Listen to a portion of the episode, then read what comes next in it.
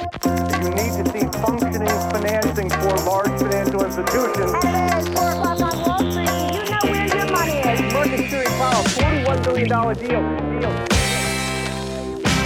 Då var det dags för ytterligare ett bonusavsnitt och den här gången kommer vi bege oss ner till en helt annan kontinent. Världens näst största kontinent faktiskt har jag lärt mig om det är så att man tittar på befolkningsmängd. Vi har Afrika special och med mig för att förgylla det här avsnittet har jag Karin Fries på Carnegie Fonder, Afrikafonden. Varmt välkommen hit! Tackar! Nu, om vi gör så här, innan vi börjar komma in på Afrika, för det är ju en jättespännande kontinent, det är 54 länder, vissa sidor säger 55, det är över 50 i alla fall. Men innan vi går in på det, vem är Karin? Vem är jag? Jag är eh, helt oförberedd på den frågan. jag är 43 år, jag förvaltar Carnegie Afrika-fond. Jag är från Uppsala från början, eh, men bosatt i Stockholm sedan många, många år. Född i Stockholm en gång i tiden. Och för, hur länge har du jobbat på Carnegie Fonder? Jag började 2004 redan på Carnegie Fonder. Det var ju långt innan Afrikafonden startade. Jag har jobbat med rådgivning, jag har jobbat som analytiker och de sista tio åren ungefär som förvaltare. Och jag måste bara ändå fråga innan vi kommer in på det här Afrika-temat. Vad var det som gjorde att Afrika lockade? Var det ett bananskal som vissa kan ta i branschen, säger branschen att ja men jag hamnade där av den anledningen? Eller fanns det något lockande intresse just kring Afrika? Ja, både och. Det var eh, en kombination av eh, den sits man hamnar i när man är på en arbetsplats som man verkligen trivs på. Eh, och vi skulle starta Afrikafonden och jag skulle vara analytiker för Östeuropa, Afrika och lite Latinamerika. Vi hade en tillväxtmarknadsfond på den tiden. Och så hade vi Rysslandsfonden och så skulle jag jobba med Fredrik Colliander på Ryssland och de här andra marknaderna. Eh, och jag kände att jag kanske inte kunde bidra så mycket på Ryssland just som gröngöling. Så att jag la all min tid och kraft på Afrika. och tänkte att då kan jag bidra från dag ett. Så det var ganska typiskt när man känner att men här vill jag bita mig fast och tycka att det här är en bra arbetsplats och bra kollegor och trevlig miljö att vara i. Eh, så det var det ena. Eh, men sen hade jag, jag har en bakgrund, jag har läst mycket nationalekonomi. Först så pluggade jag i USA eh, och har en, eh, en major i economics eh, och läst mycket ja, utveckling, tillväxt och så. Och sen så har jag en, en svensk magister också från eh, Lund, jag läste även där eh, mycket utveckling och, och, skrev min magisteruppsats på Madagaskar och lite så. Och, så att därför så fanns det redan lite kopplingar till Afrika eh, via det. Just det, och de som har sett den här tecknade barnfilmen Madagaskar också vet att det här är ju utanför Afrika då. Madagaskar ingår i Afrika. jag, jag menar utanför den här jättestora kontinenten så att okay. säga. De ligger ute i vattnet. ja, Madagaskar är stort som Sverige och Norge tillsammans, ytan. Åh oh, herregud. Det jag tycker är lite intressant också med Carnegie när du säger att det är bra arbetsplats och bra kollegor. För Colliander är ju också kvar på Rysslandsfonden, eller hur? Det är han. Och det här är ganska lång tid tillbaka. Nåväl, nu sätter vi oss på planet och sen så reser vi hela vägen ner till Afrika. Vi landar inte på Madagaskar, det ingår i Afrika, nu har vi lärt oss det. Men kontinenten här är ju som sagt då världens näst största i, i termer av människor. Det är drygt 1,2 miljarder där, vilket är enormt mycket människor. Men för de som har tänkt på att Afrika, jag har hört att det låter spännande och att man ska investera där. Men vad är det som är intressant med Afrika? Kan du måla upp de breda penseldragen? Ja, alltså börjar vi med eh, just den här befolkningsaspekten. Alltså det, vi har världens största, eh, eller världens snabbast växande befolkning i Afrika och så den är väldigt ung. Det är ju det som är halva poängen att det kanske är 1,2 miljarder människor just nu men över 50 procent av dem är under 18 år. Eh, och det betyder ju att det, de ska ju också få barn framöver. Så det, det, växer väldigt snabbt befolkningsmässigt och de ska dessutom ut i arbetslivet, de ska bli konsumenter och ekonomiskt aktiva. Så att det, därav så finns det ju en jättestor inputaspekt till, till det som ska driva utvecklingen framöver. Så det är väldigt intressant. Men dessutom så är det här ju 25 procent av världens landyta. Så det, det är en gigantiskt stor kontinent och, och, det gör att det finns ju alla möjliga råvaror du kan tänka dig. Om det är så vi pratar jordbruksråvaror, vattenresurser, eh, olja, koppar, guld, eh, platina, vad du nu eh, än vill så allting finns. Det är väldigt lite de saknar. Sen kanske inte de är bäst ännu på resursoptimering eh, och, och, att kunna flytta de här sakerna på ett effektivt sätt mellan de olika länderna. Så därför så ser vi tillkortakommanden i vissa marknader. Eh, det är ju något som utvecklas naturligtvis och som växer med förbättras över tid. Ja, för jag tänker också sådär att jag menar, någonstans idag är vi väl kanske kring 7 miljarder människor på planeten. Eh, och tittar man på lite olika prognoser, och det är ju inget annat än prognos för det är så här, typ när jag ska gå i pension 2052 så förväntas vi vara någonstans 9 miljarder människor. Du pratar lite grann om resursoptimering, både de råvarorna som vi bryter, olika ädelmetaller och, och koppar och allt vad det kan vara, det är ju inte en ädelmetall, men eh, och, och även jordbruk och sådär. Jag menar, vi ska ju mätta ganska många människor och Afrika kanske är en sån lösning, 25% av landytan samtidigt som det finns en, en liten trigger då att kanske kunna optimera upp det här. Vi är ju kanske i sådana fall också beroende av Afrika ju. Ja, det tror jag säkert att vi kommer att vara framöver. Det är vi väl kanske redan idag, givet vissa råvaror som de har, men eh, även på jordbrukssidan. Nu är någon analytiker här för några år sedan som skattade att Afrika har ungefär 60 procent av världens idag obrukade jord, potentiella jordbruksmark, så det är ju en stor yta i sig. Eh, men dessutom så använder man ju otroligt lite gödningsmedel till exempel i relation till andra länder. Man har ganska dålig mix på många ställen vad gäller gödningsmedel. Man har ganska ineffektivt jordbruk. Småskalighet är, fint på ett sätt men det får inte bli för litet och för ineffektivt. Så att eh, där finns jättemycket att göra. vet, vi investerade i ett bolag som gör just gödningsmedel eh, och som nu även har investerat ganska mycket i organiska gödningsmedel så att man ska kunna optimera. Och, och de har, visst jordbruk i Sydafrika där är de så specifika att de vet jordmånen på varje planta och kan därmed liksom ge ut gödningsmedel, droppa ut det nästan lite grann som drip irrigation oh, för att förbättra avkastningen då på det som finns. Så det, är en jättehäftig potential i själva affärsmodellen då. Och sen konkurrensen kanske inte så stor som man tror ändå på just de här bitarna för det finns inte så många stora internationella spelare.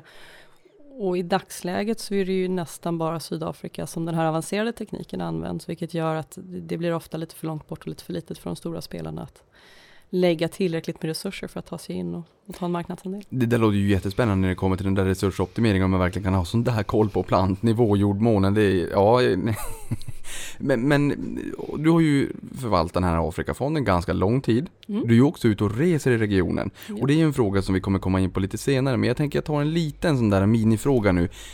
Just den här resursoptimeringen som du pratade om, hur, hur ser du, hur, hur har det utvecklats idag i förhållande till när du var där och reste bland de första gångerna?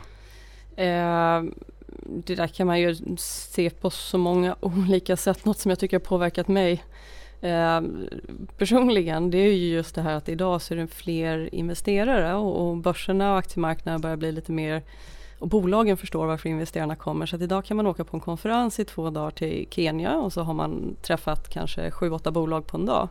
Men det tog det nästan en vecka tidigare att träffa och man var tvungen att sitta fast i trafiken och kunde i bästa fall träffa tre, fyra bolag om dagen och så satt man fast i, i trafik och spenderade mer tid i, i trafiken än vad man eh, gjorde. Så att det, det är väl en resursoptimering kan man väl säga. Att själv behöver man bara vara där i två, tre dagar nu. Ja, ja det är inte så roligt att sitta i ehm, bilkö för de som har gjort det. Inte om man har varit i Los Angeles biltrafik. Jag kan lova att sitta i bilkö i två timmar i Lagos är inte så spännande. Då hoppas man att man har AC i bilen också kanske? Eh, det finns inte alltid, det ska inte, självklart. Om man vill inte veva ner rutan.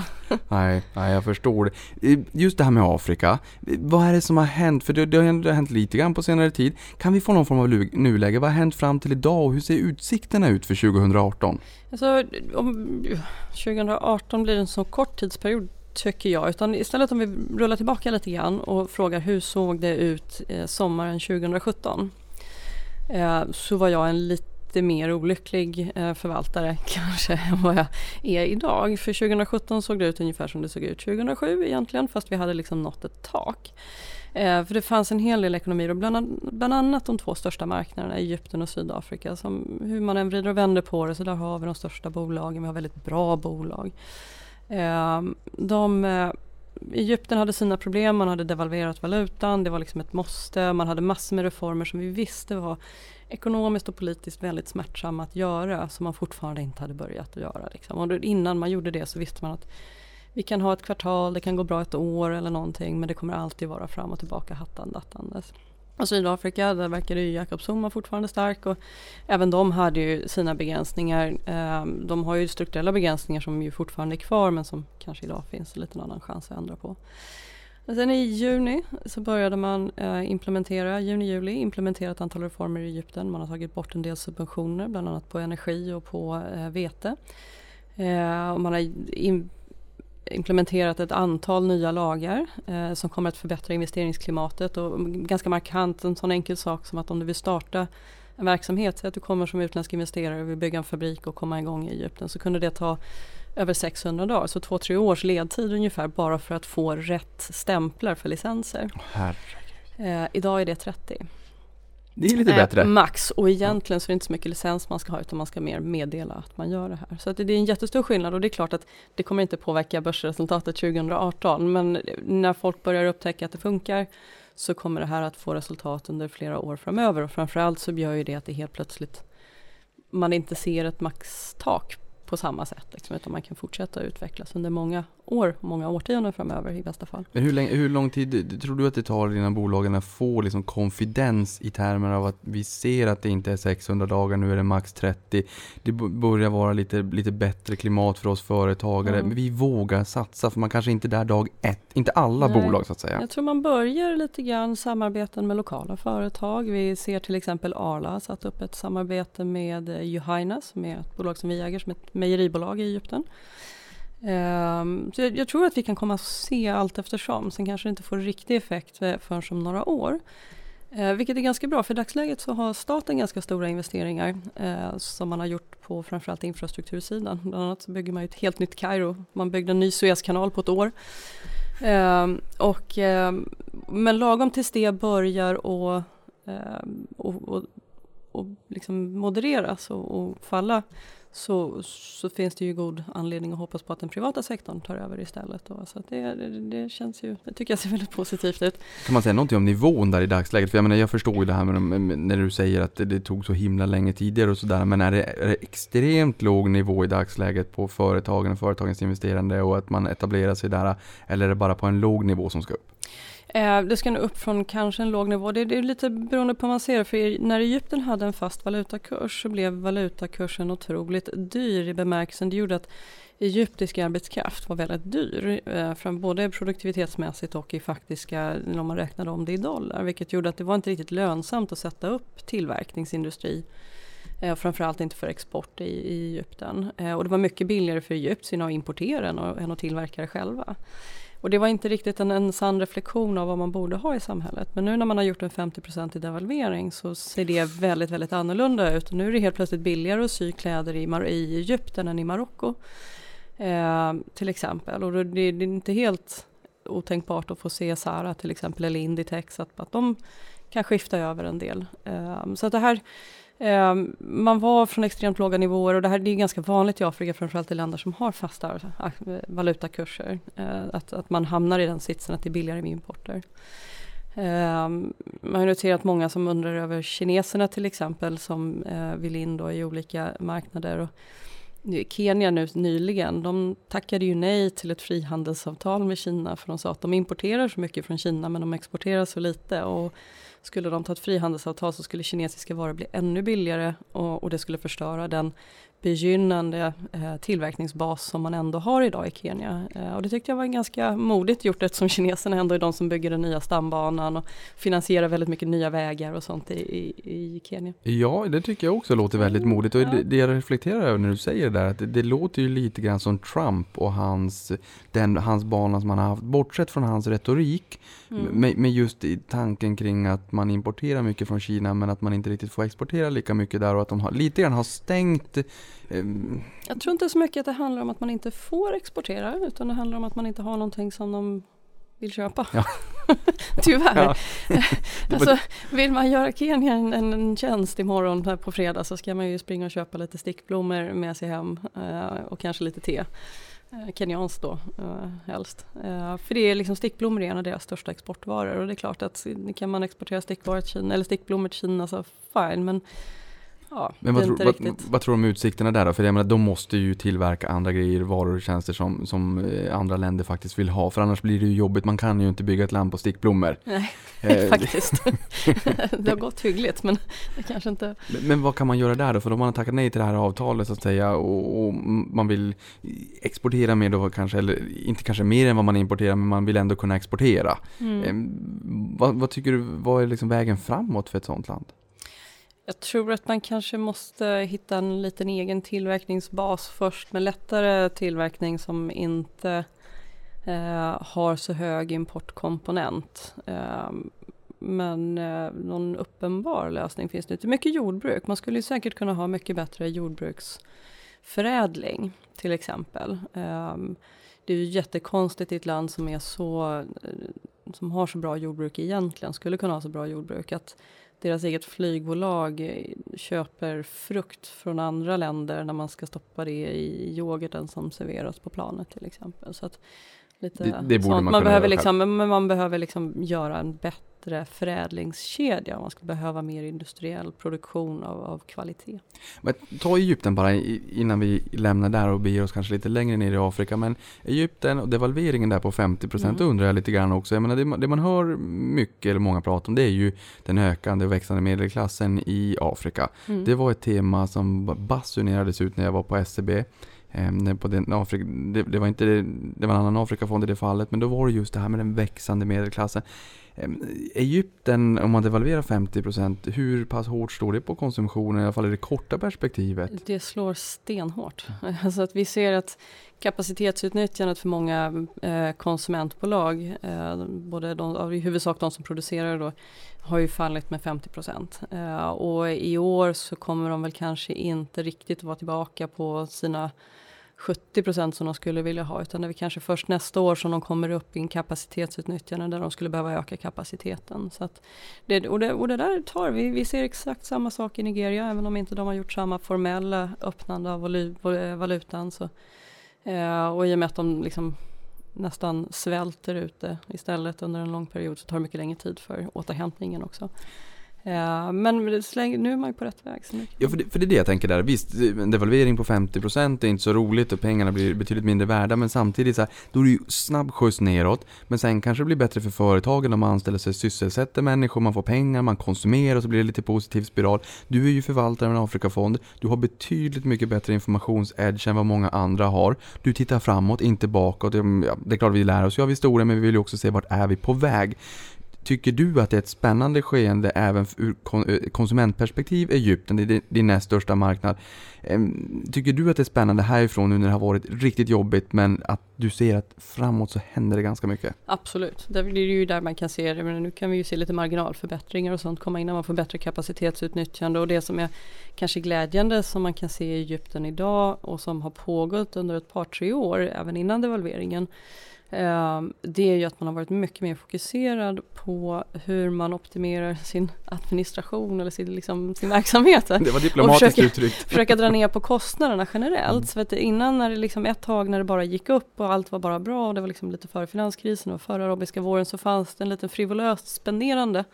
Eh, och det här har man ju liksom fått eh, snurra tillbaka och vara mycket mer eh, noga med hur man implementerar sin capex till exempel och hur mycket man lägger på vad och, och, och liksom, ja, resursoptimering både på den finansiella sidan och på liksom själva råvaruanvändande och så vidare. Och det, det gör ju egentligen att vi har bättre bolag idag även om kapacitetsutnyttjandet är lågt eh, än vad vi hade för några år sedan.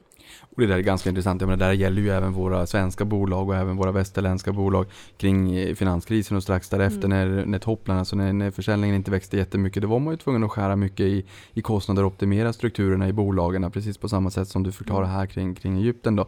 Eh, Nästa fråga är lite grann kring den politiska risken, om vi får någon form av nulägesbild och du pratade lite grann om arabiska våren här tidigare också, nu är det ju några år sedan. Ehm, kan du berätta kort om den, bara vad det var för någonting och hur det påverkade och sen så lite mer då kanske kring den politiska utmaningen, risken just nu. Zuma sa du där, för de som inte är med där heller. Berätta lite mer. Ja. Eh, alltså om vi börjar med att hålla oss fast vid Egypten så är jag ju lite cynisk av mig och så men just om du bygger en ekonomi på stora subventioner för energi och eh, livsmedel och framförallt vissa viktiga livsmedel där man subventionerar de priserna till 90 procent. Eh, så, så blir det svårt när oljepriset då går upp till nästan 100 dollar fatet och så vidare. Eh, då blir det väldigt, väldigt svårt för statskassan. Och om din maktposition eller din, ditt bygger på ett kontrakt att du ger befolkningen någonting nästan gratis eh, och du helt plötsligt inte har råd att göra det, men då brukar du försvinna från makten. Vad många kanske inte riktigt har tittat på är ju vetepriserna 2010 eller strax innan arabiska våren att vi hade faktiskt svår torka i Ryssland. Och, ehm, och väldigt, väldigt höga vetepriser eh, som föranledde det här. Och några, Algeriet var ju väldigt tidiga ute med att köpa upp stora lager eh, av vete. Men det var ingen av de andra länderna, varken Tunisien eller Egypten. Och Egypten är världens största importör av vete som man sen säljer till 90% subventionerat till eh, lokalbefolkningen och massiv korruption i den kedjan naturligtvis. Så att, eh, nu har vi ju inte kvar den möjligheten på samma sätt. Nu har man ju en annan typ av maktbas och så hade vi revolutionen och ja, vi vet väl egentligen idag att vi i mångt och mycket har en militärmakt i Egypten och det är inte Få politiker förundrade att bli valda med 98 procent eller vad det nu kan vara. Ja, det, det låter men, som Det är ju fantastiskt stöd han har. Eh, men, pratar man med egyptierna så många gånger så tycker man men titta på länderna runt omkring oss. Våra granne Libyen, Jemen, Saudi, Syrien är inte långt borta. Alltså det kan ju vara ganska skönt att veta vad man har ibland. Och framförallt när man har gått igenom en sån svår makroekonomisk period med, eh, där väldigt många har sett sina inkomster, värdet på sina inkomster och deras köpkraft halveras i, i mångt och mycket. Så att jag tror att åtminstone för en, en, tid framöver så är man inte helt missnöjd med situationen även om man kanske ibland får hålla tand för tunga och inte berätta vad man tycker Nej. presidenten. Nej, precis. Eh, Sydafrika är helt annat. Jag tycker det är otroligt intressant. Eh, Sydafrika är ju en demokrati på alla sätt och vis. Även om ANC liksom har en så stark eh, stöd i landet. ANC är ju en paraplyorganisation som rymmer allt från dina leninist-marxister till eh, dina ultraliberaler i princip eh, och som då ska samarbeta inom ramen för ett parti. Det, det, är en spännande, spännande diskussion som faktiskt i Sydafrika till skillnad från de flesta länderna sker den här debatten inför öppen ridå. Så vi kan läsa om den och det kan ju göra en lätt paranoid ibland om man, man läser tidningsrubrikerna.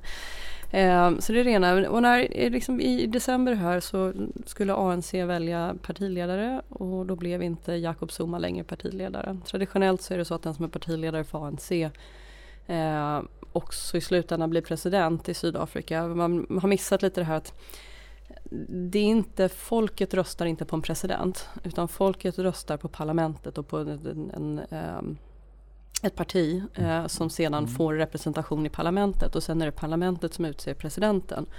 Och ANC brukar alltid sätta fram sin president, alltså de som är partiledare för ANC, som presidentkandidat. Och har man då över 60% av rösterna i parlamentet så brukar man ju också vinna eh, det. Eh, och därmed så har Jacob Zuma varit. Då. Men eh, nu blev det ju Cyril Ramaphosa som blev ny president för ANC. Och jag trodde väl kanske att det skulle ta lite längre tid att flytta på Zuma än vad det gjorde. Eh, men han grävde väl lite grann sin egen grav också tror jag. Så att redan i februari så flyttade man på honom. Eh, och de senaste månaderna, eh, redan innan han fick avgå eller sa upp sig eller hur man nu ska se det, så har ju väldigt mycket saker föranlett här. Väldigt mycket korruptionsanklagelser, inte bara mot Zuma utan mot andra med personer i ledande maktställning mot en enskild familj. Man kallar det för state capture. Man kan se i statligt ägda bolag hur pengar flödar ut i form av fula kontrakt och kickbacks. Och att det liksom inte är publika och, och särskilt eh, competitive um, uh, tenders när det gäller eh, statens eh, resurser. Eh, och det här har varit så, så, det har varit så svårt, det har varit så mycket att till och med Sydafrika som land såg ut att nästan gå i konkurs här i februari. Det har man kanske lite grann missat eh, vad som hände framförallt i samband med Eskom som är det statliga elbolaget som hade så stora skulder som skulle omfinansieras och bankerna vägrade på grund av all korruption. Oj, och vad eh, hände då? Och ja, då, hade, och då är det så här, då, går, då får sydafrikanska staten gå in som mm. garant. Men sydafrikanska staten hade då i princip gått i konkurs och blivit eh, junkförklarad och inte varit med i eh, investment grade eh, för utländska förvaltare, vilket skulle ha inneburit att man hade varit tvungen att sälja sydafrikanska statsobligationer. Eh, och, och Sydafrika är en av de största emerging markets, investment grade-länderna. Eh, i, i, liksom i lite konkurrens med Ryssland och Brasilien som ju redan hade åkt ur. Mm. Vilket gör att statens finansieringskostnad skulle gå upp med en och två procentenheter minst. Um, så att det här hade, man hade absolut inte råd. Och man hade inte råd om det var så att man var Nej. nära varandra att gå i konkurs och så får man ytterligare... Nej, och, och, liksom det här, och då är det flera statliga bolag som har varit lite i den här situationen. Ingen är fullt så stor som Eskom, den var viktigast. Eh, men det har funnits flera andra. Men nu har man då med Zuma och då har man också kunnat byta ut en del ministrar. Eh, och redan i januari, jag vet att jag var i Sydafrika och första dagen jag vaknade på morgonen så höll jag nästan på att sätta kaffet i halsen för då visade det sig att hela styrelsen för det här bolaget, Eskom, eh, inklusive vd och finanschef, hade blivit sparkade och man hade tillsatt en ny styrelse. Eh, och det var till och med, jag kände igen flera av de namnen och tänkte wow, shit.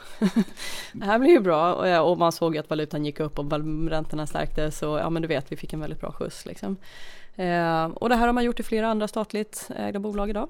Eh, eh man har undvikit skräpstatus. Eh, jag tror att vi har undvikit skräpstatus eh, minst fram till Q2 nästa år. Eh, förmodligen förhoppningsvis om man inte gör bort sig nu då för en, många, många år framöver man har som sagt bytt ut en del viktiga ministrar.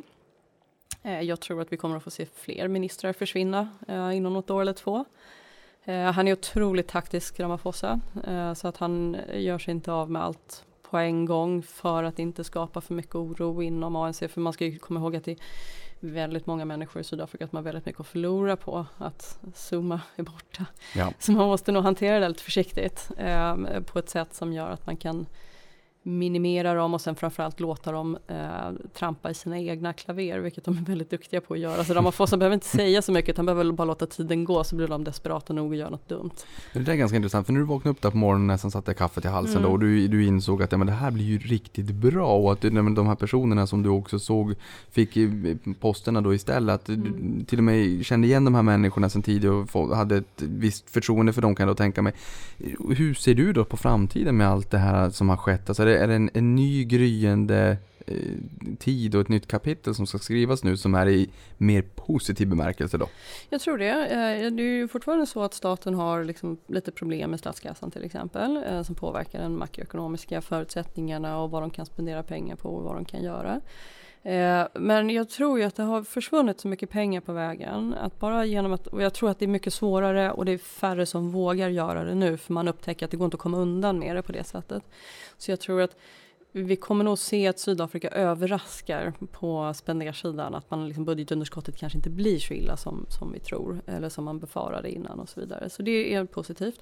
Och jag tror att genom att kan vi rätta upp det här nu eh, så, så kommer det att vara liksom, och sen det är ju ett antal reformer Sydafrika också behöver göra men han verkar ju faktiskt ha det politiska kapitalet idag eh, att göra det, eh, implementera en del av dem och bland annat så skulle man ju behöva titta på eh, reglerna på arbetsmarknaden till exempel. Sydafrika har 27 procents arbetslöshet och, och, det där behöver man få ner och det får du bara ner genom att göra det lite lättare och, och sparka folk bland annat eller att kunna anställa och eh, Eh, göra sig av med personal i den takt som, som det behövs eller lägga om. Och sen behöver man titta på utbildningssidan. Eh, man behöver ha mycket bättre kvalitet på grundutbildning. Eh, man behöver ha mycket mer relevant högskoleutbildning. Man behöver ha bättre infrastruktur i viss mån. Där finns mycket att göra. Man behöver en mycket mer bättre statlig hälsovård. Kanske kombinera det. Jag tror att sydafrikanska staten har nog inte råd att bygga allting själv utan det vore bättre att göra det tillsammans med privata investerare. Jag såg igår, det var någon som argumenterade för att man skulle ha eh, sådana här skolvouchers som man kan, alltså lite grann svensk modell, att man kan få ta sin statliga skolpeng och, och kanske gå till en privat skola. Sydafrika har ju redan mycket privata skolor i allt som kostar 250 000 kronor om året till de som kostar kanske 10 000 kronor om året eh, och som generellt har en mycket, mycket bättre utbildnings och eh, exam examineringsgrad än vad statliga skolor har. Det här är ju också lite intressant för jag menar du sa arbetslösheten 27 procent. Det är ju 2 procentenheter högre än vad arbetslösheten var i Spanien när det var som värst. Ungdomarna hade 50 procents arbetslöshet men hela befolkningen låg kring 25 procent. Det här är enorma nivåer. Det här det blir ju liksom civil unrest på något sätt. Det här är ju, det, det är ju verkligen inte roligt. 27, 27 procent är ju mycket. Det är väldigt mycket. Det är, det är gigantiskt mycket. Eh, och det, tyvärr så är det ju lite så i Sydafrika också att det är ju de unga som har en mycket högre andel ehm, eh, arbetslöshet. Unga urbana kanske också många gånger. Och vi ser ju en sån här som eh, Julius Malema som är lite eh, liksom han, har ju, han är ju tidigare ungdomsledare inom ANC, blev utkastad därifrån och, och han bildade sitt eget parti EFF och de är ganska militanta. Och det var väldigt lätt för honom när Zuma var vid makten att få väldigt mycket stöd. För dels från de yngre för att han pratade liksom om att göra sig av med korruptionen, om man skulle göra sig av med Zuma och så vidare. Det var väldigt lätt att vara anti någonting. Han har blivit möjligen ännu högljuddare och mer radikal nu därför att alla hans hjärtefrågor som han var emot har ANC tagit till sig och gjort till sin, sina frågor.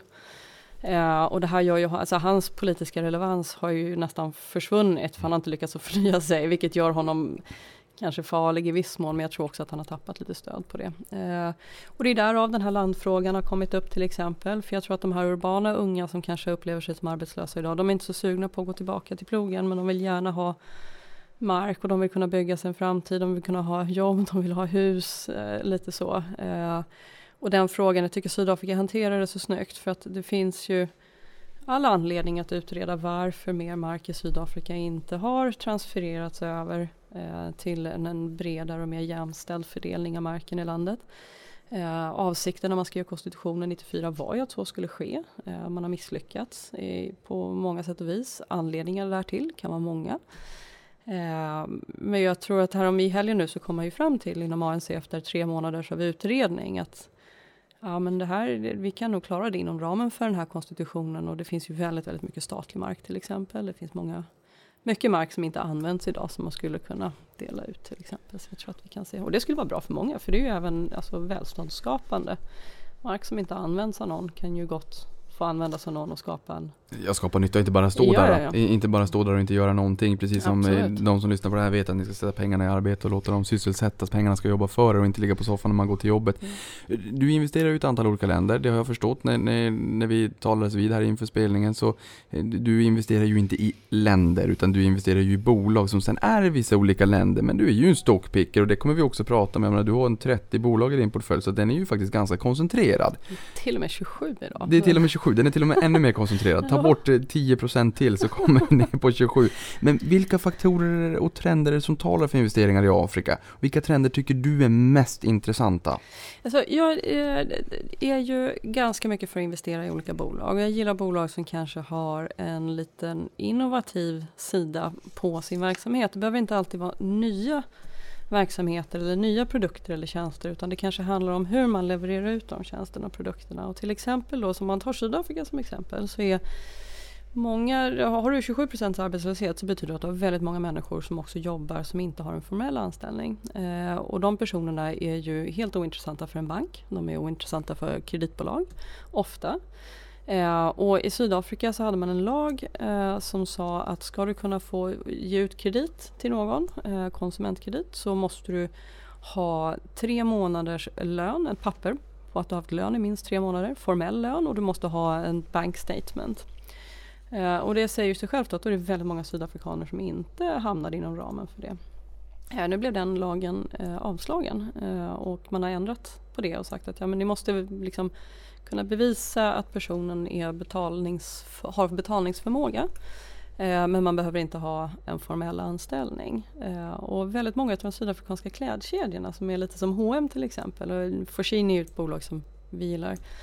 Eh, de har ju en, en finansieringslösning som pass, passar liksom för de lokala förutsättningarna där man kan ge ut konsumentkrediter även till de som inte är, har de här formella anställningarna som inte behöver betyda att de har en, en dålig betalningsförmåga utan bara att man har en annan typ av anställning. Och det tycker jag är lite roligt för och framförallt då i det här klimatet när man ska se att okej, nu kanske vi kan få igång lite ekonomisk aktivitet igen. Vi kan se att eh, det börjar bli lite bättre. Vi ser att valutan har stärkts lite. Det kommer förbättra lite marginalen eftersom man fortfarande köper in en hel del kläder från Kina till exempel. Men de sista två, tre åren så har man ju även etablerat en hel del eh, egna anläggningar som man syr en del lokalt också. Eh, såg att H&M funderade på om man skulle, hade börjat titta på om man kanske kunde sy en del lokalt i Sydafrika också till exempel. Så Just det, och det är sånt också som skapar sysselsättning och skapar den här ökade ekonomi- ekonomiska aktiviteten i landet. mm. Och, och få ner arbetslösheten självfallet också. Sen är det precis som du säger, visst 27% om det är så att man kanske inte ingår i den officiella statistiken.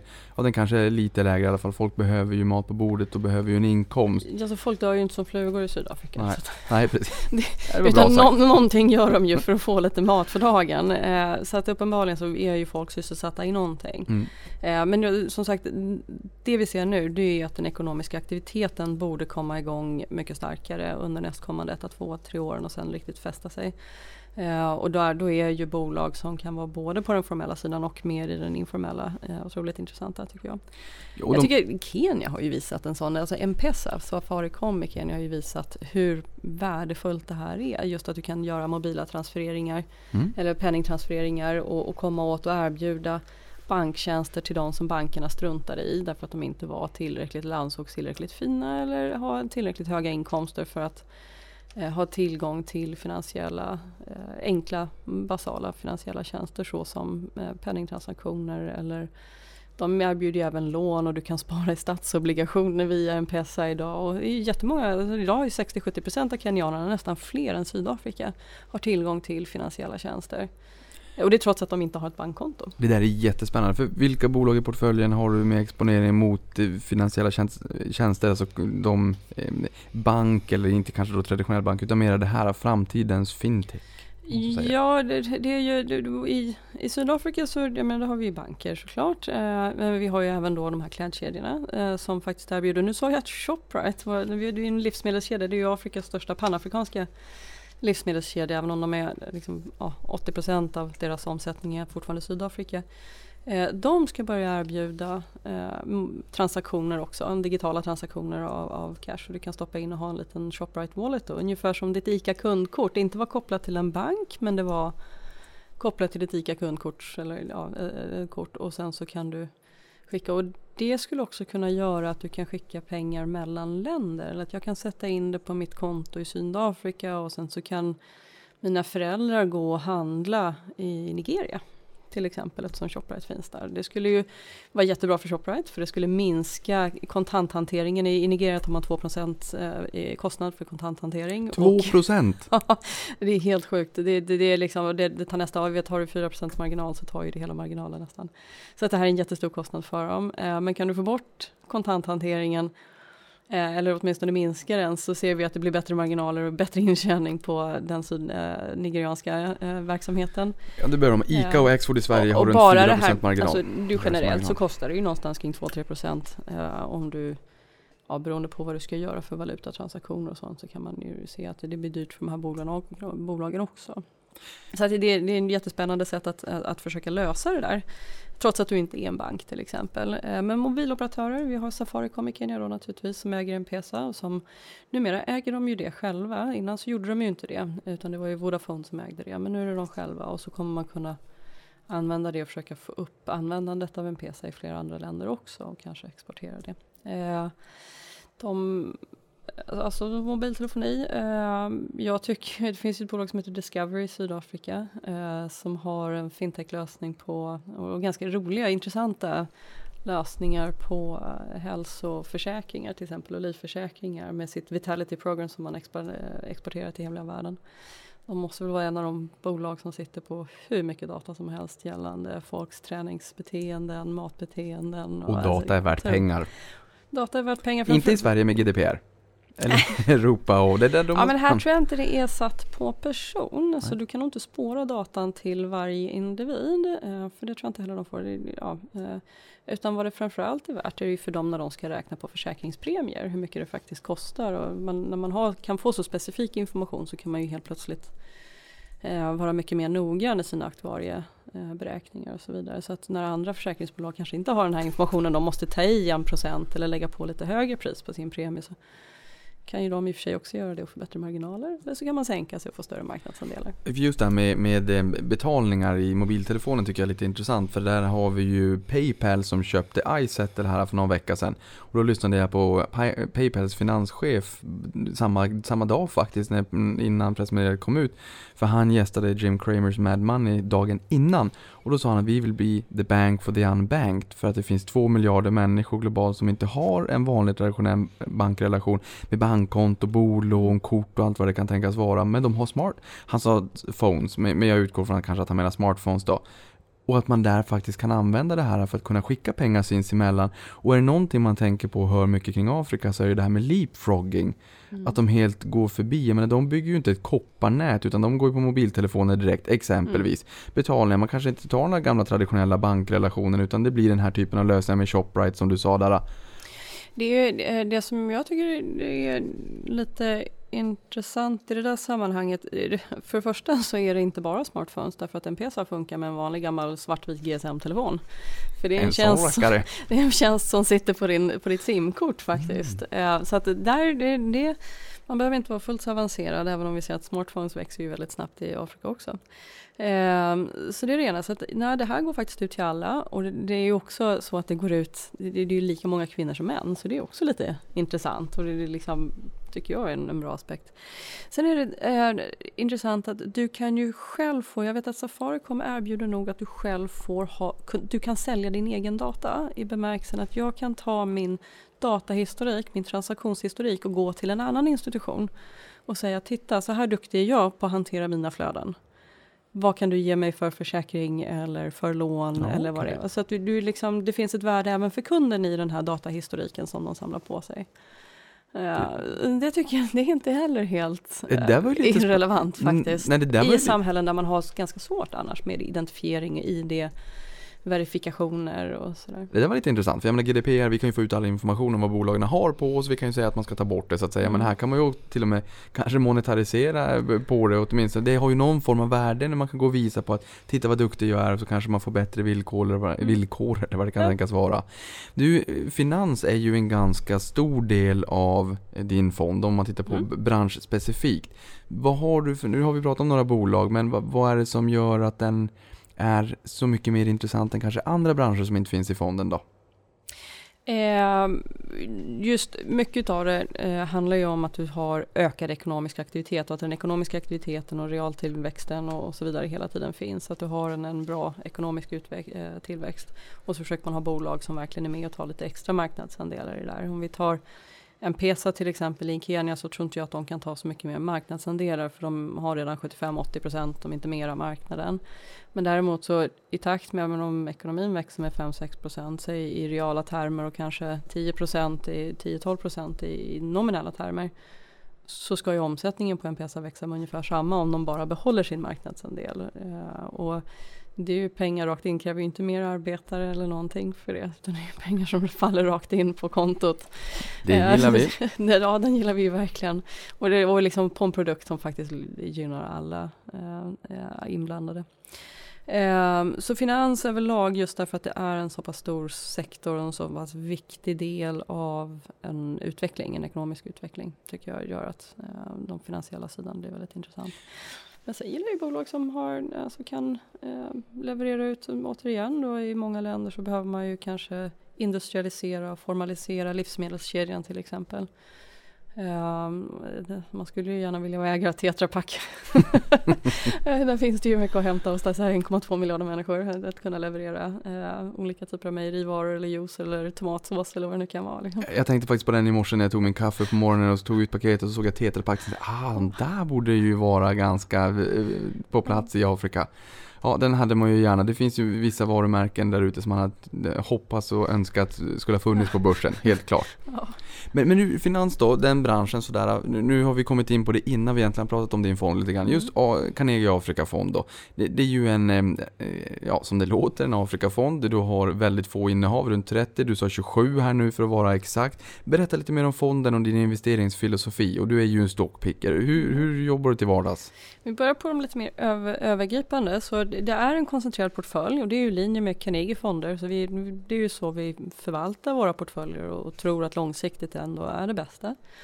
Ehm, och, och, där är även Afrika.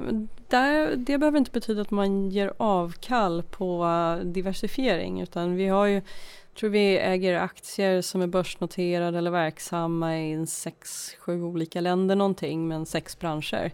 Så att det finns ju ändå en ganska hög diversifiering även om den finansiella sektorn då är, är, den största. Och tar man konsument, när vi pratar konsument så tycker jag att då är både finanssektorn, konsumentsektorn och eh, telekomsektorn är ändå konsumentrelaterat.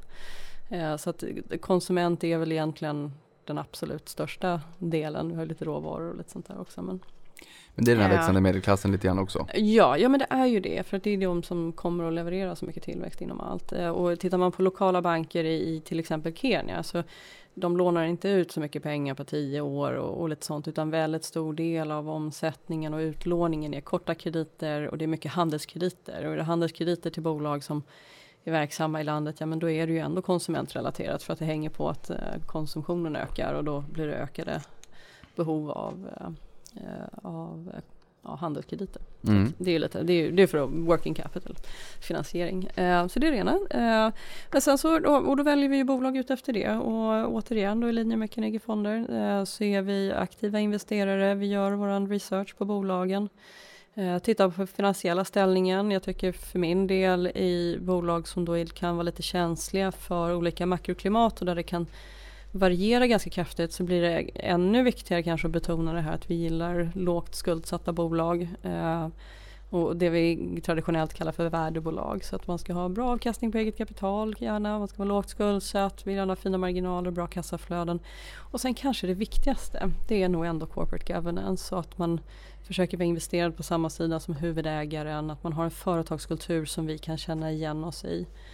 Uh, vi är ju uh, beivrare av UN Global Compact och framförallt i länder då där det kanske inte finns en stark bolagskod så skulle, kan UN Global Compact vara en, en bra, uh, ett bra alternativ. så att där, för det, det, ja, vi ser ju på värderingarna om man tar till exempel Ryssland så har ju väldigt, väldigt låga värderingar. Men det finns ju en anledning. Och det är ju för att corporate governance-risken i Ryssland är ganska hög. och den politiska risken in, på så sätt. Medan i Afrika så har du högre värderingar eh, generellt men kanske också i många länder då en, en annan typ av risk. Ja, för det tycker jag är ganska intressant. Dels med skuldsättning. Ja, du hade ju inte velat äga kanske ett bolag i Egypten med en stor, eh, stor skuldsättning i bolaget där, där lånet är upptagna i utländska valutor och sen kommer en devalvering på 50%. Det kan ju bli lite jobbigt. Det fanns ju en del sådana. Eller där hela själva affären bygger på att du har köpt in importerat eh, och sen säljer vidare. Alltså att du är ett tradingbolag. Så att det är inte... Nej, det vill vi inte äga. Men någonting som du har lärt mig det är ju att Afrika, Sydafrika, har eh, en av världens bästa corporate governance, alltså en av världens bästa eh, bolagsstyrning, ägarstyrning. Berätta mer om det här. Ja, det, det kan jag faktiskt rekommendera alla att läsa in sig på. Det är något som heter King Code och just nu så är det något som heter King Code 4 som eh, gäller. Eh, den började redan på tidigt 90-tal efter apartheid eh, och utvecklas. Man insåg att vi behöver en stark, vi behöver en bolagskod som alla kan liksom på något vänster acceptera eh, för hur man beter sig. Och det kommer sig av att man hade under apartheid så hade de anställda och, och väldigt många människor kände liksom att de inte kanske hade att företagen inte brydde sig om dem om man säger så. Att det, det fanns, det var liksom den ekonomiska makten satt hos några få och så vidare. Sydafrika har en väldigt välutvecklad finansindustri och då kom den här bolagskoden som en lite grann att bridgea det. Och det föranleddes av någon som heter Mervyn King som var domare i Högsta domstolen som har drivit det här vidare och han har ju sen gått vidare internationellt och varit med och utvecklat International um, Integrated Reporting och GRI och lite sånt. Eh, och de här har utvecklats genom åren så tittar man på King 4 som det är nu så är den eh, minst lika stark, om inte starkare, än UN Global Compact och de här principerna för eh, ansvarstagande. Eh, och har en 360-vy eh, på att företag har ett ansvar för sina anställda, för sina kunder, för sina leverantörer och, och för miljön och så vidare. Så den, är, den är otroligt intressant att läsa, eh, läsa upp sig på. Eh, och en förutsättning för att, att du får vara börsnoterad i Sydafrika är att du följer King Code. Så det är också lite intressant. Det är ju en av de få länderna där man säger att är du börsnoterad så måste du följa en viss specifik företagskod och, och den företagskoden är så stark. I övrigt, är du inte börsnoterad eh, så behöver du inte följa King, King Codes i Sydafrika men man kan konstatera att de allra flesta företagen gör det ändå. Och det nya i King Code 4 då är att även NGOs, statliga bolag och så vidare, att det finns tweaks av King Code som gör att det ska anpassas även för dem. Ja men det där tycker jag är riktigt, det är riktigt spännande och det är kul och, och för att jag menar är det så att mm, det är liksom en exotisk marknad, jag menar det hör man ju när du pratar att du har ju stenkoll på, på dina marknader i Afrika. Men för den som inte har lika bra koll som sitter där hemma och tycker att det är lite spännande och sådär så känns det ju skönt att man vet om det nu så att man ska köpa något bolag här i Sydafrika exempelvis att man har just den här starka koden. För det gör ju att man kan det känns ju lite bättre i magen tycker jag i alla fall. Ja, men och sen ska man också, alltså Sydafrika är ju, läser man internationella rankings och så, vi må ha en, en galen eh, politikerkår eller vad det nu kan vara som vi kan ha synpunkter på, men Sydafrika har en av världens bästa och rankas ju väldigt, väldigt högt internationellt vad gäller eh, corporate governance, eh, finansiella marknadens AG, liksom, hur den hanteras, eh, minoritetsskydd och alla de bitarna. Så World Economic Forum har ju, där rankas ju ettan, tvåa, trea i de flesta av de aspekterna då som blir viktiga för finansiella aktörer så rankas ju Sydafrika eh, hela tiden i topp tre tillsammans med Sverige och Finland.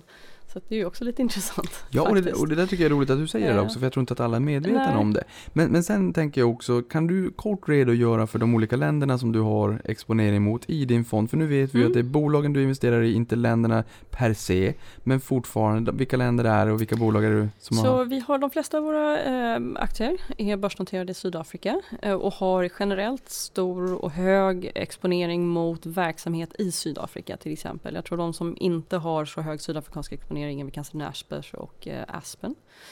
Eh, den ena är ett Mediatech, den andra är ett läkemedelsföretag. De har, all, de har mestat produktionen i Sydafrika, i Port Elizabeth, men eh, säljer internationellt. Mycket till Asien. Eh, och sen så har vi eh, innehar vi Kenya eh, och sen så har vi två aktier på börsen i Nigeria och sen så har vi två, tre aktier i eh, Egypten, eh, Marocko också, två stycken. Eh, sen äger vi Lucara Diamond som är börsnoterat i Sverige. Vi äger den svenska börsnoteringen. Eh, eh, men verksamheten i Botswana, den är börsnoterad i Botswana också. Men det kostar 2,5% i courtageavgift att handla i Botswana medan det kostar 3 punkter hos Avanza. herregud. Jag vet inte, det, det var valet, det är ingen omsättning egentligen i Botswana. Så det finns Nej. ingen anledning att äga aktien i Botswana för att säga att man äger aktier i Botswana. Nej, jag förstår det. Ja. Du, eh, på senare tid så har det ju varit lite ner, eh, nerrevideringar av vinstestimaten i, i Sydafrika och Sydafrika är 59% eh, nu här senast av eran fond och det hör man ju när du pratar också att det, det är den som är, ja, just nu i alla fall, väldigt spännande. Ehm, och det här verkar som att de här vinstestimaterna bottnar ur lite grann, och då blir man ju också lite nyfiken på, för jag menar vi har ju en, vi har haft en uppgång under ganska lång tid sedan den här riktiga kollapsen under finanskrisen. Nu på senare år så har vi ju verkligen fått en Eh, synkroniserad tillväxt global, eh, globalt. Då. Men det till trots så verkar det som att det har inte riktigt avspeglats i Sydafrika. Nu verkar det bottna ur, nu verkar det som att analytikerna tror att vinsterna ska stiga. Berätta. Ja, jag tror att man har fortfarande inte riktigt prisat in eh, bättre. Vi vet ju att åtminstone på säljsidan så brukar de ju generellt jaga de jagar i nedförsbacke och jagar i uppförsbacke. Liksom.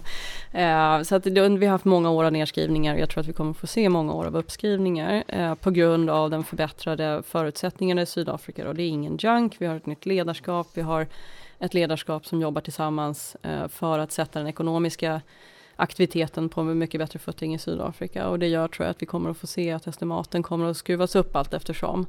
Vi kan redan se på Consumer Confidence, och, ja, för den som vill kolla på min Twitter så ligger det en graf på Consumer Confidence i Sydafrika sedan början på den här Commodity Supercycle egentligen, 2003. Och då kan vi konstatera att summa åren så har det ju trendat neråt och sen kom den gigantisk spik i mars nu, Q1. Och den ska väl korrigeras ner säkert, men, men vi kanske kan få se att det där trendar lite uppåt, det blir lite bättre. Men det där är faktiskt jätteintressant. Nummer ett, var hittar man det på Twitter? Man hittar mig på Twitter, Karin Fries. Nummer två, så brukar man, tittar man i Sverige exempelvis, så brukar man kolla på konfidensindikatorer. Hur mår hushållen? Hur mår företagen? Är man glada?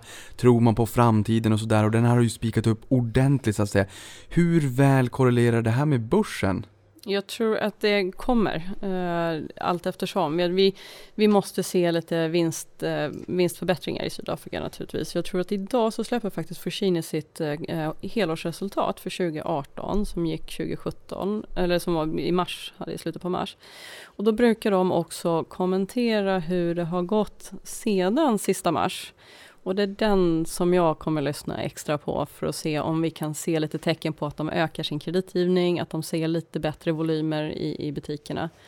Eh, och jag tror att kommer det in då kommer vi att få se lite då, eh, se mycket bättre lite vinstuppskrivningar så småningom. Och då tror jag att alltså, hittar man historiskt sett så har ju brukar ju konferens ändå vara en viss mån en ledande indikator för om vi ska få en accelererad tillväxt eller om vi ska få en avtagande tillväxt. Så det är bra. Det tycker jag är jätteroligt. Du visade just där bilden på hur den utvecklades när det var supercykeln kring just råvaror. Råvaror eh, har ju också långa cykler. Jag tror jag har sett någon amerikansk eh, statistik som visar på att det brukar vara 10, 11, 12, 13 år när man pratar råvaror, så det brukar kunna vara ganska långa cykler. Och sen så visar du att det gick ganska rakt ner i källaren under Summa och nu då när, när, när, det har blivit nytt ledarskap, vi har ju också hört när du berättar att det känns bättre i magen, sen ska det också materialiseras, men att det verkligen har fått en, en, en påverkan på i alla fall indexet, alltså på, på den här ledande indikatorn då. Ja, jag menar, och det tror jag är, det, det är nog väldigt viktigt för framtiden. Sen ska man ha respekt för att man vänder inte ett skepp hur snabbt som helst. Det är inte något som är så Ta stort H&M som exempel.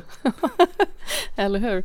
Eh, Jag eftersöker en personal shopper funktion hos de här bolagen. Ja, men, nu, nu har de precis Ja. 2018 infört fri frakt, det alla andra haft länge, så det, det men kommer. varför går inte jag in på H&M och så liksom kan jag säga vad jag köpte senast och så fick jag upp liksom ett förslag, men du köpte ju den här byxorna sist och den här blusen skulle vara snygg nu till våren eller ja, Exakt. så, som var för mig baserat på min köphistorik. Och på den här utsvävningen kan jag säga att Zalando är ju faktiskt duktigare på det här. De har funnits med i nio år, de är födda i den digitala världen. Jag tänker mig att H&M också säger att de ska jobba mer med algoritmer och så här, så det, jag hoppas att det kommer. Eh, hur eller hur, Eh, det, så det är viktigt med de här ledindikatorerna. Vi ska vi komma ihåg, det tog eh, det tog Zuma nio månader att bli av med Mbeki en gång i tiden när Zuma först blev ANCs president och sen senare blev president i Sydafrika. Det har tagit Ramaphosa två månader. och sedan dess har det gått, här idag så avslutar han sina hundra dagar som president. Eh, eh, så att eh, han har på den korta tiden så måste jag säga att han har åstadkommit väldigt mycket på topline. Sen måste man också ta och göra ordning, eh, liksom komma till action, inte bara liksom strukturera utan sen måste man komma till action och det tar ju kanske lite längre tid och man får ha lite mer respekt. Så jag tror att de faktiska hårddata att det här biter fast ser man inte förrän senare. Och så måste man lösa landfrågan och man måste göra det på ett sätt som hela samhället kan acceptera. Att man får social acceptans för den lösning kring landfrågan man kommer. Och jag tycker Sydafrika gör det så snyggt för man bestämmer inte bara utan man har en öppen diskussion där alla sydafrikaner, svarta, vita, hög, rika, fattiga, alla får ha synpunkter och alla får komma till tals om man vill. Eh, och det tycker jag är viktigt. Eh, och sen så behöver man lösa eh, frågorna kring eh, gruvindustrin. Eh, det finns ganska stort osäkerhet kring regelverket och eh, nya råvaruministern har sagt att det kommer i juni. Det är snart klart. Eh, och det kommer att kunna göra en dramatisk skillnad för sentimenten också i Sydafrika. Och kommer de sentimenten igång då, då kommer man också kunna eh, se mycket snabbare eh, bättre utveckling tror jag. Reser vi upp tillbaka igen till Egypten så måste jag bara fråga här för att för sju år sedan, jag hittade en artikel, internet är fantastiskt, jag hittade en artikel igår för sju, som, på en grej som du sa då för sju år sedan. Tänk, jag håller på det här lite grann så, så hon får bli lite nervös.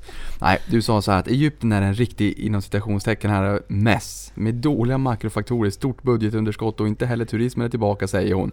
Eh, Och nu är det ju er näst största geografiska exponering, de hade devalveringen och det, liksom, det, börjar hända saker och ting där. Kort och gott, eh, nu är alltså framtidsutsikterna bättre på Egypten. Ja, mycket, mycket, mycket det är mycket, mycket bättre. Ja, det är långt mycket bättre. Alltså, det, oj, det är en helt annan nation idag. Och för sju år sedan så kunde vi knappt äga aktier i, i Egypten. Vi hade valutaregleringen som gjorde att eh, om, du hade, om du ägde aktier eh, före mars 2012 och sålde dem, då kunde du inte få ut valutan. Du kunde inte växla om den där egyptiska punden till amerikanska dollar. Så du blev sittande i minst 12 månader med pengarna på konto och visste inte om det skulle ske en devalvering eller inte. Men vi kunde se att vi måste devalvera. Åh, vi vet bara inte när. Ni hade varit storköpare av bitcoin om det hade funnits. Eller det Precis, det var som zimbabwierna gör väl det.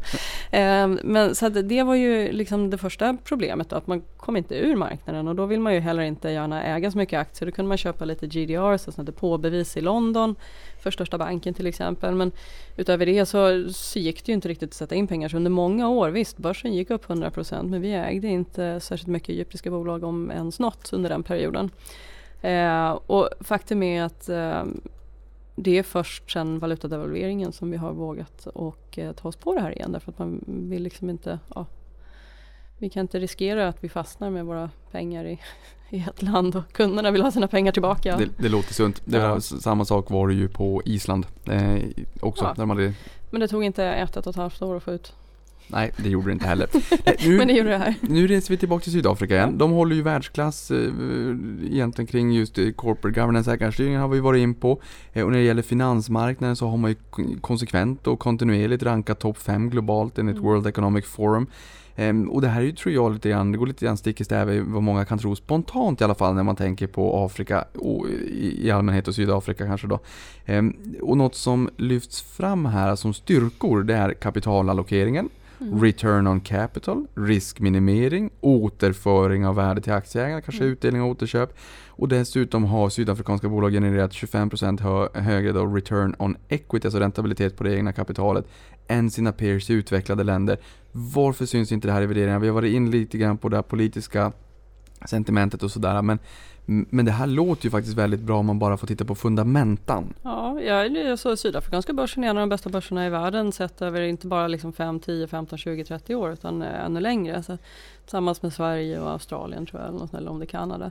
Så, det, det, um, så det, det, finns alla anledningar att tro att det ska bli bra. Sen är det ju så att under vissa perioder, men det kan ju vara då som en period nu när ja, vi, vi behöver ha bättre styre helt enkelt. Vi behöver skapa bättre företagsklimat. Eh, och pratar man med sydafrikanska bolag, så, liksom förra året, eh, och fram tills nu nyligen då, så, så säger ju de att nej, men vi driver vårt företag för cash nästan. Alltså vi, vi vill generera så mycket cash som möjligt och så delar vi ut dem. Och man kan se att utdelningsandelen på börsen har gått upp sista par tre åren och framförallt liksom sista två, tre.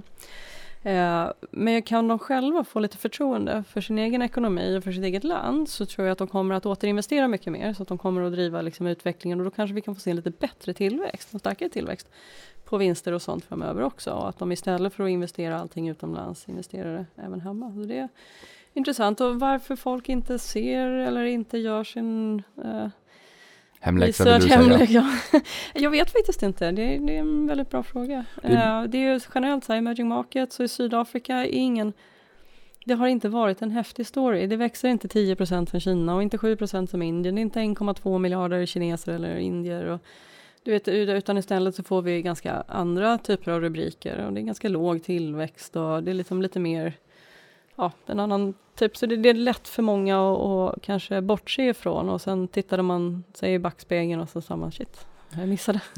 Ja, men och, och de här bolagen som är noterade på den sydafrikanska börsen, vad skulle du säga om intäktsmixen där? Är det en stor del av intäkterna som genereras domestikt i Sydafrika eller i Afrika eller i många andra delar av världen också? Det här är också intressant med Sydafrika, att i likhet med Sverige så har du ju en väldigt hög andel bolag som har majoriteten av sin intjäning utomlands. Så att i tider när det kanske inte är så bra i Sydafrika så tjänar de pengar på att eh, valutakursen går ner till exempel och att man får liksom den här valutaeffekten eh, på vinsterna.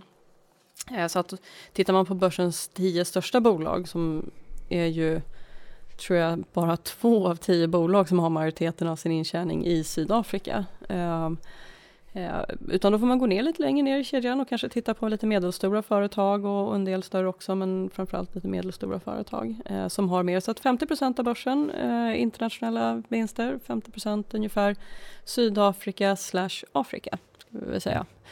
Um, så att, uh... Och tittar man på ett av era större innehav, eller mm. ert största tror jag, om det fortfarande är så, är ju Naspers med en vikt mm. på 8,6%. Eh, kanske kan jämföras med Sveriges Kinnevik om man så vill. De är ju även största ägare i kinesiska internet under Tencent. Nyligen sålde de sin andel på 11,18% i Indiens motsvarighet till Amazon. Det köparen var Walmart. Amazon försökte köpa det där men, men fick då inte riktigt. Berätta mer om Naspers. Det är många som har frågat på Twitter om det här också. Ja, det, det, det, verkar, det verkar vara en spännande sak för många. Det är kul att folk har upptäckt Naspers. Eh, Naspers är, egentligen så kan man lite förenklat säga att Naspers var eh, när apartheid fanns så var Naspers lite som Bonniers, dominerade media i, i Sydafrika. Det står för National Press eller något sånt på afrikans. Eh, och hade, ja du vet, tv, tidningar, böcker, eh, hela den mediakoncernen. Och så gjorde man på 90-talet en investering när Sydafrika då fick in, investera internationellt. Så gjorde man bland annat en internetinvestering i QQ och i Tencent. och det här har ju blivit en av världens bästa private equity-investeringar någonsin alla kategorier. Eh, så att det är idag gigantiskt stort och liksom bara deras värdet på deras eh, ägarandel i, i Tencent är ju större än hela marknadsvärdet på Nasper. Sen ska man väl kanske ha någon slags eh, konglomerat eller eh, investmentbolag diskant, men, men den är alldeles för stor i Naspers. Sen äger Naspers, och det är kanske det som egentligen är det roliga som ska driva det, har ju något som heter OLX eh, och så har man Avito, det känner flera svenskar till som är ryska varianten på Blocket. Därav extrautdelningen i Kinnevik för något år sedan när de sålde sin andel i Avito. Eh, just det. Eh, och sen så har de, och det här OLX är då Blocket kan man säga i massor med olika länder. Så att bland annat så har man största Blocket, måste säga, i Indonesien, i Brasilien och lite sånt. De här har ännu inte riktigt börjat att det Brasilien är väl första landet ut nu som visar på lite ebitda-vinst. Eh, så att, och det kan gå ganska fort, det har vi ju sett i, i Avito att när man väl har kommit till eh, break-even på ebitda så kan det gå ganska fort när det där går upp. Så det är ju spännande. Då. Eh, så det är världens största blocket, kan man väl lite förenklat säga. Eh, och det här får man ju i princip då gratis. Sen ägde man Flipkart i Indien fram tills för inte så länge sedan, så man sålde det till Walmart. Men så många konstaterar att det räcker med att Tencent går upp 2% så har du 3 miljarder värdeutveckling i dollar på Naspers och det är mer än vad de fick betalt för sin ägarandel på Flipkart. så det, och det är trots det att de hade en 30% i, 30% om årets vinst, liksom utveckling då på, på sitt ägande i Flipkart. Så de är jätteduktiga på att göra investeringar i många olika såna internetrelaterade eh, grejer. Eh, och tyvärr så får man kanske inte betalt ännu som aktieägare och den stora frågan är ju hur kan Naspers försöka sätta en värderingsmultipel på det man har. Men, men eh, och det, det, det, är en jättesvår fråga för dem själva. Jag tror inte de själva riktigt vet hur man ska göra just därför att Naspers är så, eller Tencent är så stort. Okej, okay, för det där är lite grann det handlar om också. För jag menar, ytterligare en fråga har ju varit just det här hur Naspers jobbar för att få ner substansrabatten. Men, men är det så att det är en del onoterade innehav också där man precis som Kinnevik och Latour har gjort den senare tiden att man sätter en PR-värdering på den onoterade delen. Är allt noterat i Naspers eller har man även det här onoterade? Det, det absolut mesta inom Naspers är ju onoterat. Och nu, och vet vi, nu är det ju mm. ofta så drivs ju då den värderingen av sydafrikanska eh, analytiker. Och, och de är av naturen extremt konservativa. Så vi kan se att när man börsnoterade Mailroot till exempel eh, så hade man eh, vad stod det? Hade sydafrikanska analytiker värderat Mailroot till ungefär halva det pris som man sen börsnoterade Mailroot på i Ryssland. Så det var ju en, en, fin upplift på den sidan. Vi kan ju se att Flipkart har ju värderats mycket lägre än vad man faktiskt fick betalt i slutändan. Lite dolda värden får man ju säga. Så då. det finns ju mm. lite sådana dolda värden eh, som är väldigt svårt att veta för att det handlar lite grann om cykler och lite sånt där vad det ska vara. Men jag tror största problemet för Naspers är att de är börsnoterade i Sydafrika. De är ju 30 procent av börsen. Det är större än hela sydafrikanska råvarusektorn på börsen idag. 30 procent av börsen? ja, jag tror att i, i, här har vi Novo Nordisk som har varit störst på börsen och störst i hela Norden. De är väl runt 25 ja, i, i, i, bara vad heter det, Danmark så att säga. Ja. Men alltså 30 procent av hela börsen. Och när man, ja, det är gigantiskt. Uh, och det är för att free floaten är så stor. Uh, så det, har ju lite med det att göra. Men, och då uppstår ju genast problemet att den hela förvaltarkåren, de har ju samma regler som vi har i Europa, 10 procent. vem är marginalköparen? det blir ett litet problem. Ja. Uh, och då är, det, då är det återigen då kanske inte så många utlänningar som hittar till den sydafrikanska marknaden eller som har sitt mandat att göra det. Och, jag kan prata med, våran, med Gunnar Paulsson och min kollega som förvaltar Asien så säger jag Gunnar ska du inte äga Naspers istället för Tencent? Han bara varför då? Den går inte upp lika mycket. och han har ju en poäng i det så det är ju lite problematiskt för dem hur de ska få till det här. Men för den som vill få exponering mot Naspers då? För att ja. vissa av de här bolagen som finns i Sydafrika som är jättespännande berättar du om här att det går ju faktiskt att få en exponering mot dem på annat sätt. Ja, alltså topp 10 i Sydafrika de är ju faktiskt börsnoterade på många ställen i världen. Så att eh, tar vi ett bolag som Naspers har ju till exempel depåbevis då runt om, jag tror att i USA är väl den största eh, möjligheten på det. Um, sen har du Richmond, uh, CFR, uh, som är börsnoterat i Schweiz också. Eh, du har Anglo American, VHP Billiton och British American Tobacco. Eh, du har ehm, Old Mutual, Investec som är bank. Allt det där är börsnoterat i London. Old Mutual finns det väl någon liten slatt kvar i Sverige till och med tror jag. Eh, så det finns många sydafrikanska bolag som är dubbelnoterade som man kan hitta på många andra ställen runt om i världen. Du har Maroc Telecom, Marockos största mobiloperatör. De är börsnoterade i Paris. Där kan man hitta, du kan även hitta sådana jätteobskyra som en bryggeri i Kamerun kan du hitta på börsen i Paris. Men jag tror man ska vara väldigt, väldigt försiktig innan man börjar och eh, dabba runt i sådana saker. Ja, det kanske i, i vissa fall kanske det är bättre att, att nyttja produkten än, än aktien då. Alltså, jag, jag slår ju gärna ett slag för fonder i det här fallet när det är ofta små marknader. För tittar man på Kenya, Nigeria och lite sånt eh, så, så är omsättningen extremt låg på börsen och transaktionskostnaderna kan vara väldigt, väldigt höga i relation till din investeringsbelopp om du inte poolar dina. Du måste, man måste upp i flera miljoner för att det ska liksom vara effektivt att handla och, och, du bör ha lokala etablerade kontakter och veta var du handlar och skulle det hända något så måste du veta vem du kan ringa till. Eh, och då är det inte en svensk bank den du kan ringa till tyvärr då, eh, utan du behöver liksom pusha från båda hållen. Och då tycker jag att då är det inte så tokigt att välja en fond och, och aggregera resurserna på det sättet om man tycker att fonden har samma filosofi som en själv. Nej, för det är ganska intressant. långsiktig framförallt känner jag att man ska vara det. Ja, och det inser man det när man hör när man lyssnar på när du berättar att man behöver vara långsiktig i den här typen av marknader. Eh, när det kommer till fonder, fonder brukar ju, eh, och kan jag också tycka är bättre när det kommer just till utländska marknader jag- där jag har ett informationsundertag. Eh, avgifterna på eh, fonder, exempelvis Afrika, är ju pikanta, men det är ju en pikant marknad också. För de som lyssnar på det här och funderar på hur ska man tänka där då? Kan du berätta och, liksom, och kostnader för transaktioner i de här marknaderna? Det är ju inte bara så att man skinnar fondandelsägarna ju. Nej, alltså lite som jag sa i Botswana så kostar det ju, har en transaktionsavgift på, eller en encourageavgift på 2% Det är ganska häftigt. Och nu har den kommit ner. Om du, och du, ofta så har du att ju mindre volym du handlar desto högre courtageavgift har du. Och ibland är det reglerat till och med så man kan inte ens förhandla med mäklarna. Men vi kan ju få ner dem där lite grann. Avanza hade inte gjort sig bra att expandera dit med andra ord. Nej, jag tror den har varit knepig. Eh, och sen så är det då varje transaktion som bankerna, det är en annan typ av verksamhet, så är liksom kostnader för depåavgifter och sånt ganska mycket högre. Eh, och tillgång till information och sånt kan, kan kosta. Så det, där, det finns ganska mycket högre kostnader i samband med det. Och sen är ju generellt sett volymen eh, för de allra flesta Afrikafonder är ju inte så stora. De ligger kring 30-40 miljoner euro eh, i någon slags snittstorlek. Eh, så att då blir också kostnaden per. Eh, så att innan vi ser att Afrika blir en mer mainstream-marknad så kommer nog kostnaderna att vara ganska höga. För innan vi blir, får volym, det är först då man kan trycka ner priserna ordentligt skulle jag vilja påstå. Så det, det är väl lite en, en blandad kompott där. Just tycker det. Jag. Du, sen eh, Famous Brands har varit en liten sån där favorit bland, bland många på Twitter. Och det, jag, jag tycker själv, jag menar jag var i Sydafrika och tyckte, jag var lite förvånad över Sydafrika hur, hur ja, jag vet inte om jag ska säga västerländskt det kändes, men alltså det, det, det var så Ja, jag fick en annan bild. Jag var där för något år sedan. och tyckte det var fantastiskt trevligt. Helt fantastiskt. Dit ska jag tillbaka. Och du skrev ju också frågan Niklas, hur var det då? Och vad stod det för bolag?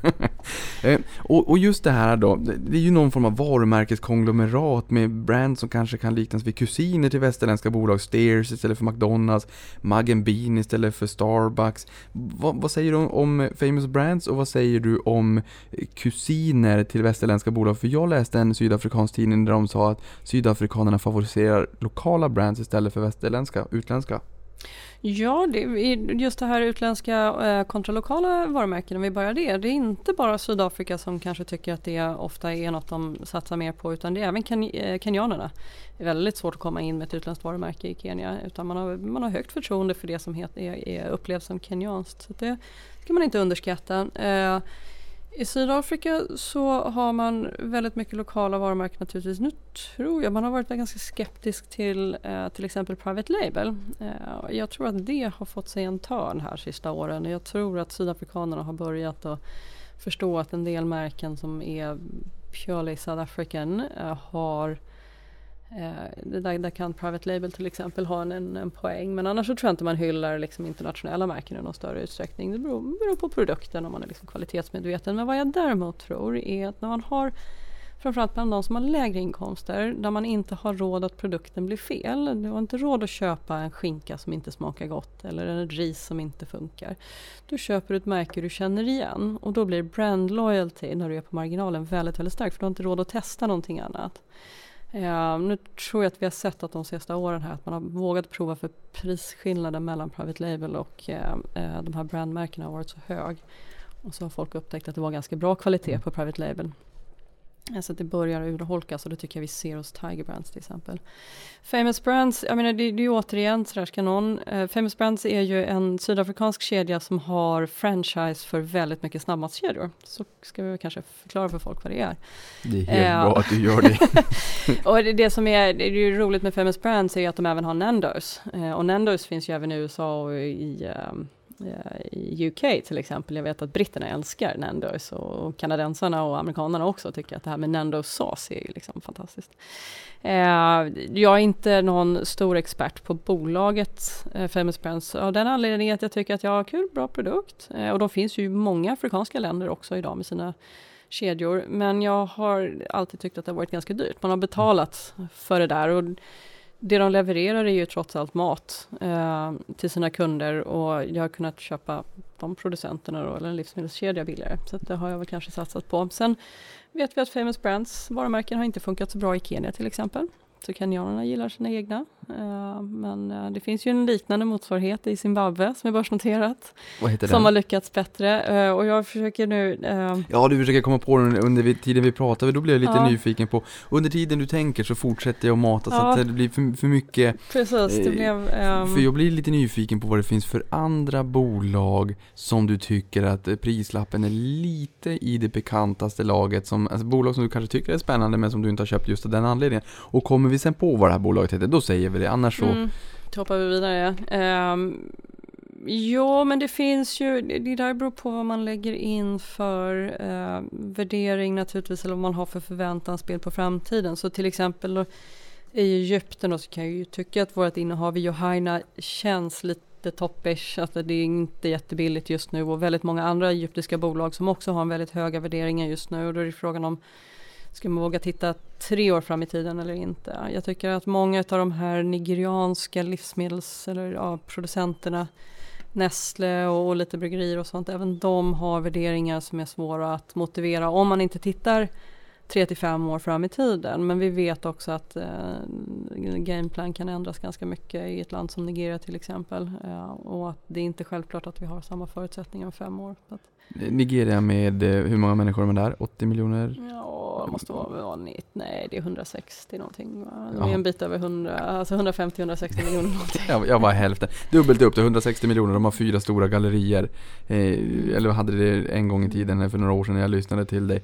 Eh, det har vi ju i Stockholms innerstad också, där är vi kanske mindre. Ja, men Lagos är ju en megastad. Det är ju, vad kan det vara någonstans kring 18-20 miljoner invånare. Ehm, och ja, det här med shopping malls är jättestort. Det har ju kommit upp fler sedan dess. eh, men det är fortfarande, tittar man på antalet gallerier i relation till befolkningen så är det ju ganska låg. Men sen ska man väl också se att många utav bolag, eller många konsumenter kanske inte har den köpkraften som Nej, Och där förväntar oss. Och sen är det ju, alltså, trafiken ska man heller inte underskatta. De här gallerierna måste ligga någonstans där det är lätt att ta sig. Ehm, jag vet att man, det är nästan största utmaningen för många. Hur ska man förse med parkeringsplatser och sådär. Till exempel på livsmedelskedjor. Jag tror Shoprite har väl största livsmedelsbutikskedjan i hela Nigeria. De har 20 butiker. nej men just på tal om att man ju, vill ju inte sitta i, i timtals bilköer ut, i en bil som inte har AC. Och det här är ju lite roligt också, för du är ju ute och reser väldigt mycket. Kan du, vad tar du med dig från dina resor, din senaste resa? Kan du bjuda på några reflektioner? Jag kan tycka att eh, jag gillade i Egypten, för det var jag senast, det var ju bara häromveckan, eh, att det fanns inte den eufori som ofta finns som gör att man känner att man måste hålla tillbaka dem lite för att det kan bli stora besvikelser då. Utan nu finns det mer en, en liksom acceptans för situationen och då kan vi börja bygga på någonting vettigt framöver. Så det var väl någonting som jag tar med mig. Vad jag också tycker är att det jag upplever när jag har rest de här åren är att vi har, det finns ju så mycket otroligt fantastiska människor. Det finns så mycket kompetenta människor eh, där ute. Eh, så att man, man blir lite tagen ibland. Och, eh, sen möter man också ibland på folk som man tänker att men hur hamnade du där? Liksom. Ja, ja, Så, så det, men, men, men generellt så, så upplever man väldigt mycket och framförallt väldigt många unga med väldigt hög ambition. Ja, och, det, och sen hoppas man ju då på att de får chans att utveckla den här ambitionen. För ambitionsnivån hos väldigt många ska vi ju verkligen inte underskatta. Och många, med väldigt, många unga med väldigt hög ambition, de, de är ju, är ju faktiskt redan i dagsläget i och med att det är en ung befolkning i Afrika, men de är ju framtiden. Ja, ja Mm. men verkligen. Men lite intressant också, värderingsmässigt ligger P talet för Sydafrika på 13,3 förväntat för 2018 då. Förväntat ska ju såklart materialiseras. Sverige ligger på runt 15, vi, de har en direktavkastning på 3,7. Det hade vi i fjol, nu ligger vi på runt 4. Vi har, har fått lite utdelningstillväxt. Ehm, och earnings yield, alltså ta inverterade P-talet, ligger på 7,4 där. Och i Sverige ligger vi på 6,5. Vi är ganska lika där egentligen faktiskt. Traditionellt så brukar de vara ungefär lika. Ehm, jag skulle väl vilja säga så här, 13,7 eller 14 PE forward på Sydafrika. Det inkluderar ju Naspers som är 30% av börsen som tenderar att ha en, en P-värdering på 30-40 eftersom deras vinst är så liten i relation till värdeskapandet som görs med liksom bokvärden bara. Ja. Vilket gör att P-talet blir väldigt högt på Naspers ofta. Uh, och är det då 30 av, av de här 14 så är ju faktiskt P-talet på sydafrikanska börsen lite lägre. Ja, och där får man ju säga det där är ju de där dolda värdena också i och med att värdena kanske är lite högre också när man, som i fallet Flipkart då när man säljer iväg. Det visar att mm. man har inte riktigt kanske Nej. visat det sanna värdet. Nej. Jag tycker det som är intressant är att titta på typ, till exempel eh, sydafrikanska banker och jämföra det med svenska banksektorn. För du har fyra stora banker i Sydafrika. Det är liksom Standard Bank, First Rand, Nedbank och Barclays Africa. Eh, och, eh, så det påminner lite grann om den svenska setupen. Eh, och sen så har du lite såna här runner-ups som är med lite andra tweaks. Och de generellt tenderar att handlas på P8-9, det är alltså någon slags earnings yield på 9-10. Det är strax, det är 1-2 procentenheter över den tioåriga räntan. Eh, och det är väl helt i linje med hur det har varit traditionellt sett. De delar ut 50-60% av vinsten så de har en direktavkastning på mellan 5 och 7% beroende på lite olika för olika aktier. Och det ska man komma ihåg att det är värderingar som man har satt med en förväntansbild på att Sydafrika ska växa med under 1% om året. Och där hoppas vi att det kan bli lite bättre än så. Och då, då finns det ju anledning att kanske hoppas på att den sydafrikanska eh, ekonomiska aktiviteten ska bli lite bättre framöver och att det då ska kunna driva det här. Och jag tror att eftersom det ännu inte riktigt börjar prisas in skulle jag vilja påstå, framförallt inte efter den sell-offen som vi har haft nu i samband med att den amerikanska tioåringen har gått upp och så har det påverkat eh, en hel del på det här. Um, så, eh, så tror jag nog att vi kan ha flera år där vi får se analytikerna, säljsidaanalytikerna jaga, jaga uppsidan istället uppför. Ja, men du, jag tycker att det här låter jätteroligt för det är som jag sa till det här tidigare också att eh, när du berättade att man, de jagar åt båda hållen och att eh, säljsidan alltid är lite mer optimistisk, det kanske ingår i jobbet på något sätt. Och det var ingen som sa köpa på svensk industri i januari 2016 och sen så jagar man nu. De har liksom fördubblats i princip varenda en. Så att det ska bli väldigt roligt att se om vi kan följa upp det här eh, en tid framöver och se om just idag när vi spelar in det här och med den bilden och den framtidsförhoppningen och den förändrade politiska spelplanen om det här faktiskt kan bli ett trendbrott. Du, du låter ju uppenbarligen som att du ser ljus på framtiden och, och hoppas verkligen att det här ska materialiseras och det, det får vi i sånt fall hoppas att det också gör. Min sista fråga är, förutom Afrikafonden, hur sparar du själv? Eh, jag är ju ganska försiktig av mig så att jag har ganska mycket fonder. Eh, mer så, jag har ett par enskilda aktier också men traditionellt annars i fonder. Eh, och sen så är jag också ganska tråkig i det bemärkelsen som det här är det jag jobbar med så försöker jag göra lite annat på fritiden. Eh, vilket gör att jag väljer Men Karin! ett par, tre, men jag jobbar ju å andra sidan nästan större delen av dygnet. Eh, så vi har ju naturligtvis har ju innehav i Afrikafonden men sen så har vi även, eh, försöker jag att förenkla, jag väljer inte så många olika fonder utan jag väljer kanske samma fonder i PPM som jag har i andra pensionssparanden och sen kan jag försöka hitta något som är lite roligare utanför det. Då. Det låter som skalfördelar. Ja. Karin, stort tack för att du kom hit och berättade mer om den stora kontinenten Afrika, de 54 eller 55 länderna, runt 1,2 miljarder människorna, hur man ska tänka framtidsutsikterna. Stort tack för det. Tack själv.